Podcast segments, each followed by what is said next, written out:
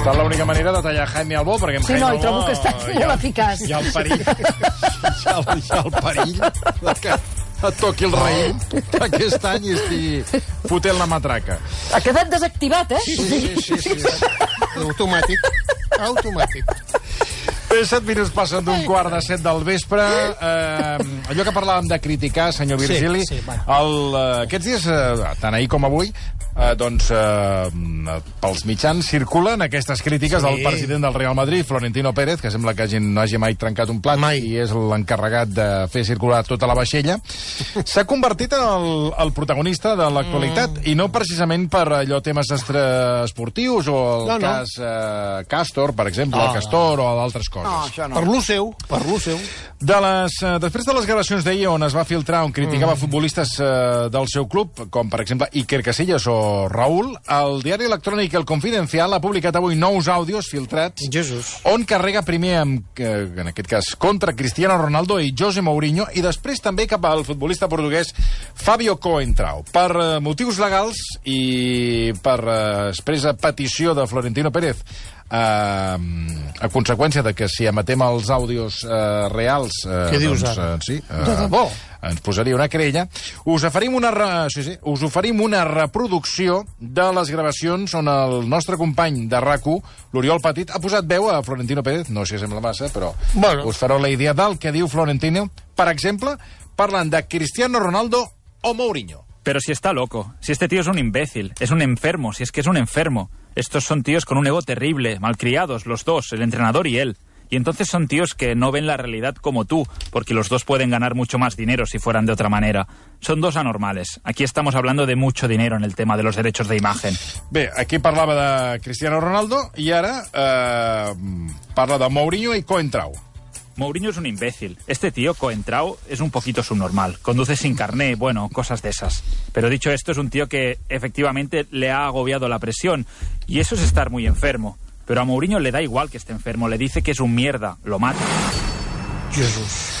Bueno, de les crítiques i per què els... I els, els, sí, sí, és que hem quedat... Però- Es una opinión que tiene un hombre, es una opinión. Però, perdona un segon, si, aquest, si això ho ha dit ell i hi ha la seva veu, per què no es pot passar si es passa per tot el món i... Bueno, perquè això està gravat d'una manera il·legal, a veure Ah, si ah. això és eh, el P3 dels mitjans Ah, de està il·legal, radiodifusió. està il·legal. I hauria de saber.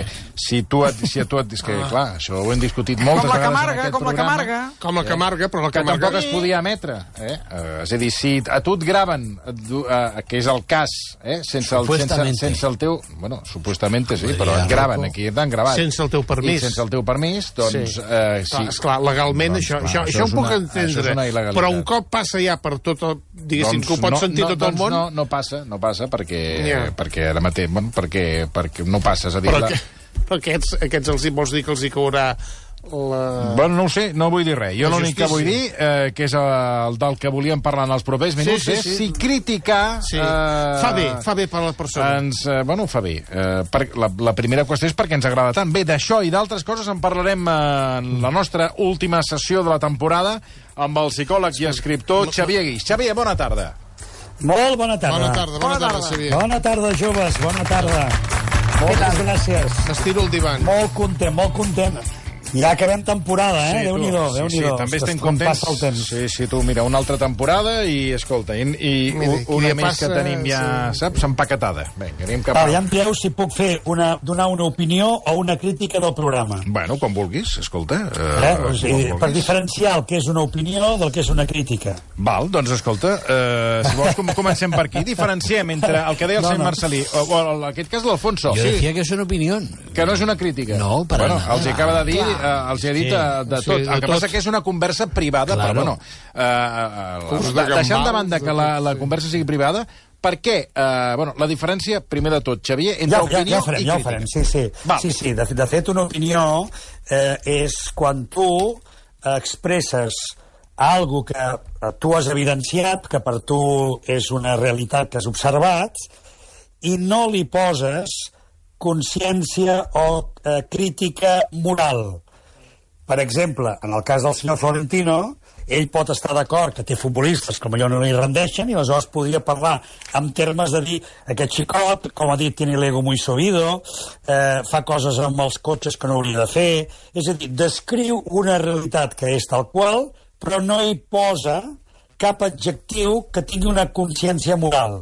En canvi, quan tracta de anormal, imbècil, subnormal, estar enfermo i mierda, això no és descriure una realitat visible, si això, no, això ja és posar-hi una consciència crítica o no una opinió, no, sinó el que entendríem clàssicament per un judici. Mm. Um, per, per què ens agrada tant criticar? Home, perquè que ens posem per sobre dels altres, és a dir, justament ens fem els baladors de la consciència moral. Jo sóc més bo que tu. És a dir, ara ens hem d'imaginar el senyor Florentino assegut amb aquesta taula amb tot de gent mm. i dient totes aquestes coses, qui és el que queda suposadament, suposadament, eh? Qui és el que queda com el que està per sobre del bé i del mal? El Florentino. Ell, ell, ell clar, clar, perquè ell, quan jutja els altres d'aquesta manera, ell s'està situant en una comparativa en què els altres són els que ho fan malament, els altres són uns desgraciats, els altres són uns anormals, i jo, que sóc el que ho està veient i ho dic, sóc el bo. bueno, però perquè... Aquesta... Perdona, eh, Xavier, però sí. aquí em dóna la sensació que perquè ell és l'amo i representa que ja està per damunt dels altres i, per tant, té criteri per valorar la situació claro, dels altres. Claro, hombre, sí, habla con conocimiento quan... de causa. Él, él sí, sabe de, qué, de qué van. Que, él sabe sí. a quién ha contratado. Saben cómo son esta gente, claro. Sí, sí, però, uh, exacte, però fixeu-vos que aquí entra, entra la gran contradicció i la gran paradoxa. Primera, que ja he dit que el que ell ha fet no és una opinió, sinó un judici, perquè l'opinió es quedaria simplement descrivint els fets. En canvi, quan ell fa aquesta desconsideració, es produeix una enorme paradoxa, que és que ell, fent el judici contra els seus jugadors, es posa en evidència ell mateix, perquè al cap i la fi qui ha contractat i qui té en nòmina aquests jugadors és ell mateix. Per tant, està criticant ell mateix lloc que ell mateix ha decidit, el posa en evidència amb ell. Però per què necessita? La pregunta que m'esteu fent és aquesta. Per què necessita llavors fer aquesta càrrega de judici? Perquè ell es col·loca per encima del bien i del mal. Ell, ell queda com el bo i els altres queden com els dolents. Aleshores, quan jutgem i critiquem els altres, no quan opinem, que cuidado, que opinar podem opinar el que vulguem, però quan jutgem i fem judicis, sempre estem fent una comparativa a la qual l'altre és el dolent i jo sóc el bo. Mm. Hi ha persones que hi poden trobar, hi poden trobar plaer en la crítica, que els hi dona, que els hi agrada això de criticar els altres, perquè hi ha gent home, que sí que... evidentment, home, evidentment, perquè si jo sóc el bo, i hagi estat demostrant tothom tot el dia que jo sóc el bo, Clar. aleshores, evidentment, hi ha qui li agafa el gust, això. I qui li agafa el gust, això? Justament la persona que té alguna cosa que amagar, el que se sent a vegades inferior, el que se sent una mica per sota, que troba en la càrrega i en el judici la manera de posar-se per sobre. Aleshores, fixeu-vos que aquest exercici d'intentar posar-nos per sobre dels altres és un exercici pràcticament eh, deporte nacional. Uh -huh per què? Perquè hem de superar d'alguna manera aquestes eh, inferioritats que a vegades patim o a vegades lo injustos que ens sembla la vida i que trobem com a única manera d'expressar-nos i desfogar-nos la queixa i el judici. Uh, aquí, uh, José Manuel Parada, Sí. Tens un document sí, uh, que sí. exposa la manera no d'opinar, mm. sinó de, uh, bueno, de criticar, eh, no? Bueno, eh, Encarna Sánchez tenía un compañero de trabajo que la criticaba a ella haciendo artículos, haciéndose pasar con un seudónimo, hasta que ella explotó y lo soltó todo de esta manera resumida que ahí te traigo. Que basta ya, que no me provoques más, pedazo de imbécil. Que luego llamas a los de arriba, mis jefes, diciéndoles que te he insultado. Yo no te insulto, yo te digo lo que eres. Insultar es otra cosa. Yo te digo imbécil, pero eso no es insultar, es que tú lo eres. Pero ahora, déjame en paz porque ya sabes que soy peligrosa. Tú a lo tuyo, a ver si encuentras un trabajo fijo, a ver si te satisfaces de cintura para arriba y de cintura para abajo. Y entonces todo se arreglará. Ya no te claro. meterás con nadie, imbécil. Y digo, no insulto. No insulta. Simplemente te digo lo que eres, un imbécil. Claro, Vamos a volar. Claro. ¿Volamos? Venga, muy alto, muy alto, muy alto, donde no puedan llegar los imbéciles. ¡Vámonos! Claro. Això és opinió? Això, eh, la pregunta, no. Xavier, és opinió Sí. o, és, o és una crítica o què és Hi això? ha, una, hi ha una part d'opinió i hi una part de... No, hi ha una crítica tampoc. És a dir, hi ha una part de crítica-opinió, però hi ha una part de judici. Perquè una cosa és dir, miri, vostè no ha estat a l'alçada, vostè no ha fet les coses com havia de fer, vostè potser encara ha d'aprendre algunes coses a la vida, que és- això és el meu criteri, això és la meva opinió, però en canvi quan comença a dir vostè, vostè és un imbècil y sobretot quan usted de cintura para arriba, cintura para abajo, demuestre Claro. que aleshores, quan està fent aquest judici aquí ja està fent una comparativa i està situant a l'altre en un marc en el que està dient tu eres una mierdecilla a mi lado y por tanto la que queda la que queda por encima de todo soy yo Bueno. que soy aquí la buena. Cuando usted, li ve a dir, cuando usted esté a mi altura, entonces usted y yo hablaremos. Aleshores, clar, és situar-se des d'un punt el qual l'altra persona queda menystinguda, desvalorada, criticada, i per tant tot porta a un judici moral de que aquesta persona no està a l'alçada ni és prou bona. Bueno, ja li diu, no, no insulto, eh, és una definició. No, és una definició. Claro, és una digo lo definició. que eres. Això és, és, uh, és innat en el ser humà, és a dir, la crítica... Tothom critica o, o potser hi ha gent que no critica tant uh, o, o, és un, Mira, o és, un, eh, és un defecte, això de criticar? Uh, lo d'innat, no. Eh? Això no és que vinguem No és amb el innat. programa... No venim és amb... innat, No. Sinó que ho aprenem, i sobretot ho aprenem ja de petitets, perquè de petitets, molts a casa, que és un mal costum que tenen molts pares, ja ens acostumen a criticar, no criticar-nos, no, a comparar-nos amb els altres. I no són a vegades comparatives positives, sinó són comparatives amb negatiu. Veus, el veí Sí. ja, ha, ja s'ha tret el carnet de conduir, i tu ets un gandul, llavors quan diuen gandul i van dir aquestes coses, ja comencen a fer-te judicis. Per tant, la comparativa ens la comencen a fer ja des de petitets. Per tant, no venim amb el programa de ser persones que fem judicis, sinó que aprenem a, a fer judicis. Ara, això què és? Home, Toni, claríssimament, un defecte. No ho hem de fer.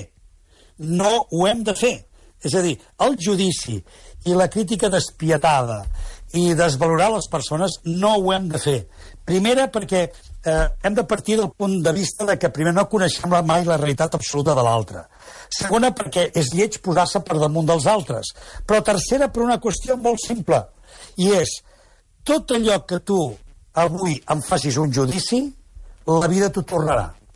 És a dir, que de tot allò que tu em facis una crítica, un dia tu també t'hi trobaràs.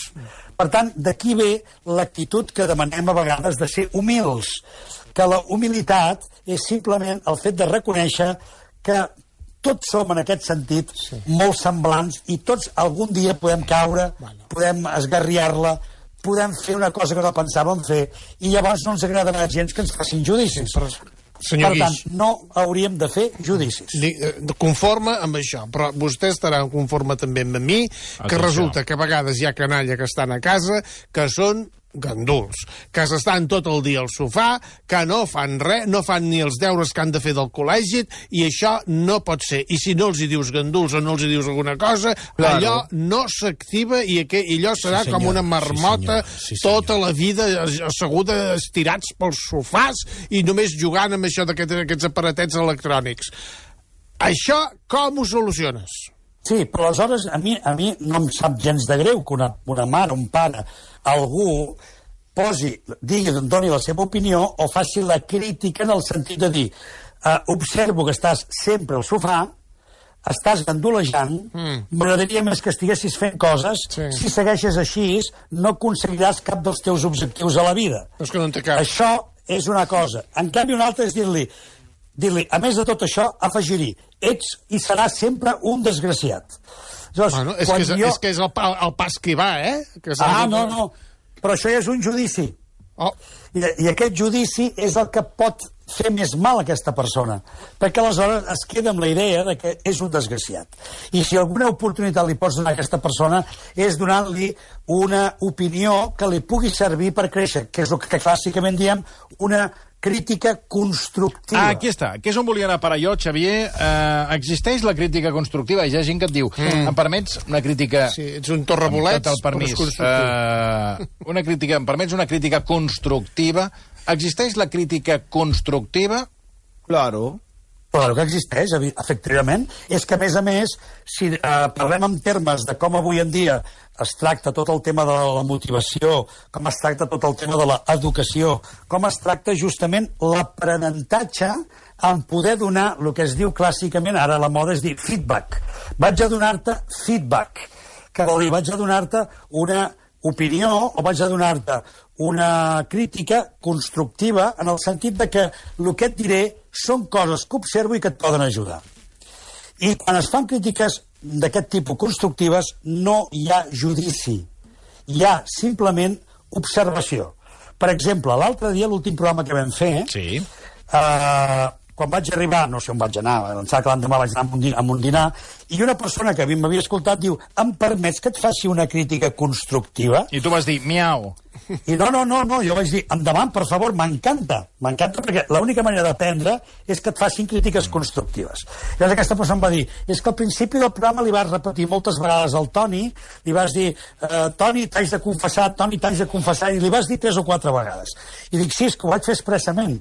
Diu, ah, ho vaig fer expressament? Dic, sí, perquè a vegades hi ha jocs que en el teatre vam aprendre, que es diuen els tormentone, que és utilitzar una frase d'una forma repetida per crear com un marc, no? I, i ho va entendre. Però jo m'ho vaig prendre com efectivament l'interès d'aquella persona posant-me un exemple d'una cosa que considerava que podria millorar. Aleshores, em venia a dir, si és possible, mira de no repetir la mateixa paraula, la mateixa frase, perquè sona molt repetitiu. Això és una crítica constructiva. En canvi, imagina que després de dir-me això, hagués dit, és que si no fas això, semblaràs un burro, semblaràs un pobret desgraciat que no sap explicar les coses de la vida. Clar, si a mi em diu això, aquesta segona part ja no, ja no em va bé. Aquesta segona part ja no l'entenc com una crítica constructiva, sinó com un judici de la seva, en fi, d'ell mateix. Que és una cosa que li pertany a ell que vol veure-ho d'aquesta manera. I hem d'anar molt en compte perquè la gent és molt, se, se li escapa amb molta facilitat eh, entaforar el que seria una opinió constructiva amb un judici. Hem d'evitar el judici. I en l'altra en l'altra a l'altra banda trobaríem la gent que hi ha persones que mai accepten les crítiques perquè, perquè no les volen ni sentir, no accepten crítiques. Sí, Aquest aleshores aquí, sí, aquí estem davant de la figura, sobretot del narcisista, que és aquella figura que té una imatge de si mateix egoica, té una imatge de si mateix tan elevada, que no se li pot dir res, perquè qualsevol cosa que li diu s'enfonsa. Aleshores, hi ha persones... S'enfonsa, eh? No, no, és que s'enfonsaria i no vol enfonsar-se, perquè té la pell tan prima que no suporta la frustració de que algú no el vulgui, no l'estimi, no el valori, no el reconegui. Aleshores, quan estem fent judicis, com ha fet el senyor Florentino, mm -hmm. Que us podeu imaginar, ell està fent un acte, justament, com deia abans, narcisista. És un acte de posar-se ell per damunt de tothom i ser ell la veu de la consciència que veu a tot arreu el bé i el mal. I, per tant, qui decideix el que un és o no és, és ell. Home, això és un acte molt narcisista. Repeteixo, perquè es posa en evidència ell mateix quan això que ell critica, ell és el primer que ho ha comprat. Uh, ara anem a la qüestió de vols, vols fer una, no sé com dir-ho, si una opinió, una crítica a una persona. Com ho has de plantejar, això? Constructiva. Perfecte, perfecte. Eh? Aleshores, anem a parlar, per exemple, del programa. Vinga, a veure, anem a fer la crítica. Dígale, dígale. Sí, porque yo tengo unas cuantas cosas para decir, ¿eh? Veus, aquí ja estem... Ah, Eh... eh? Però aquí ja veus de venir el judici, aquí, eh? Ja veus de venir el judici. Bueno, mira, Toni, s'ha de fer, eh, tenint en compte tres coses. Sí. La primera, la persona. La segona, el fet, la cosa concreta. I la tercera, respecte a l'objectiu general del que aquesta persona està intentant fer, si està a prop o no està a prop del seu objectiu. Això és el que es diu fer donar un feedback. Amb això vindríem a dir, per exemple, primera, Toni, eh, et felicito perquè portes molts anys fent aquest programa i l'esforç que em consta que estàs fent per tirar-lo endavant, perquè cada any tingui novetats, perquè cada any tingui un punt diferent, perquè us pugueu mantenir eh, el lideratge, és un esforç que te'l valoro molt. Per tant, fixa't, el que acabo de dir és una, una crítica, o un, un no un judici, sinó una opinió a la teva persona. Segona condició, ara que ja he parlat de tu, parlo del que estàs fent. Avui estàs fent un programa en el qual doncs, hi pot haver aspectes que poden ser molt interessants, m'ha agradat molt els temes que has tocat, potser algun d'ells, potser algun tema, s'ha estirat una mica massa, mm. i és pogut ser una mica més curt, perquè potser s'ha allargat més del compte. Sí. Allò de les sèries, a mi, és la veritat, se m'ha fet llarg, que no, no em coneixia cap. Fet llarg i pesat, i que vale. no s'acabava mai.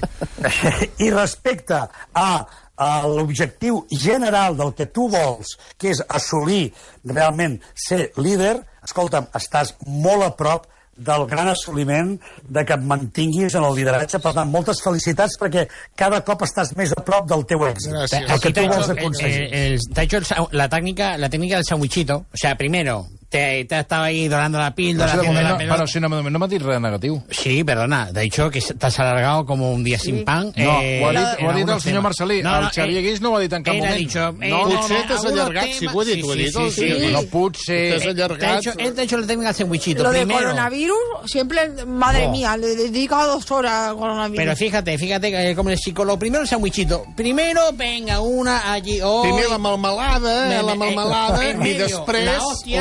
La sal. Y para que no te vayas con mal gusto a boca, pero mm, no vas mal. O sea, esto, perdona, esto no hace falta ser psicólogo. Esto yo, lo, o sea, yo esto lo... Bueno, lo- però lo- aquí, aquí, Xavier, perdona, jo no he vist crítica. És que Te la ha la metido crítica... doblar. No te has dado cuenta y te la ha metido doblar. La crítica Porque te ha és... dicho primero bueno y luego pam.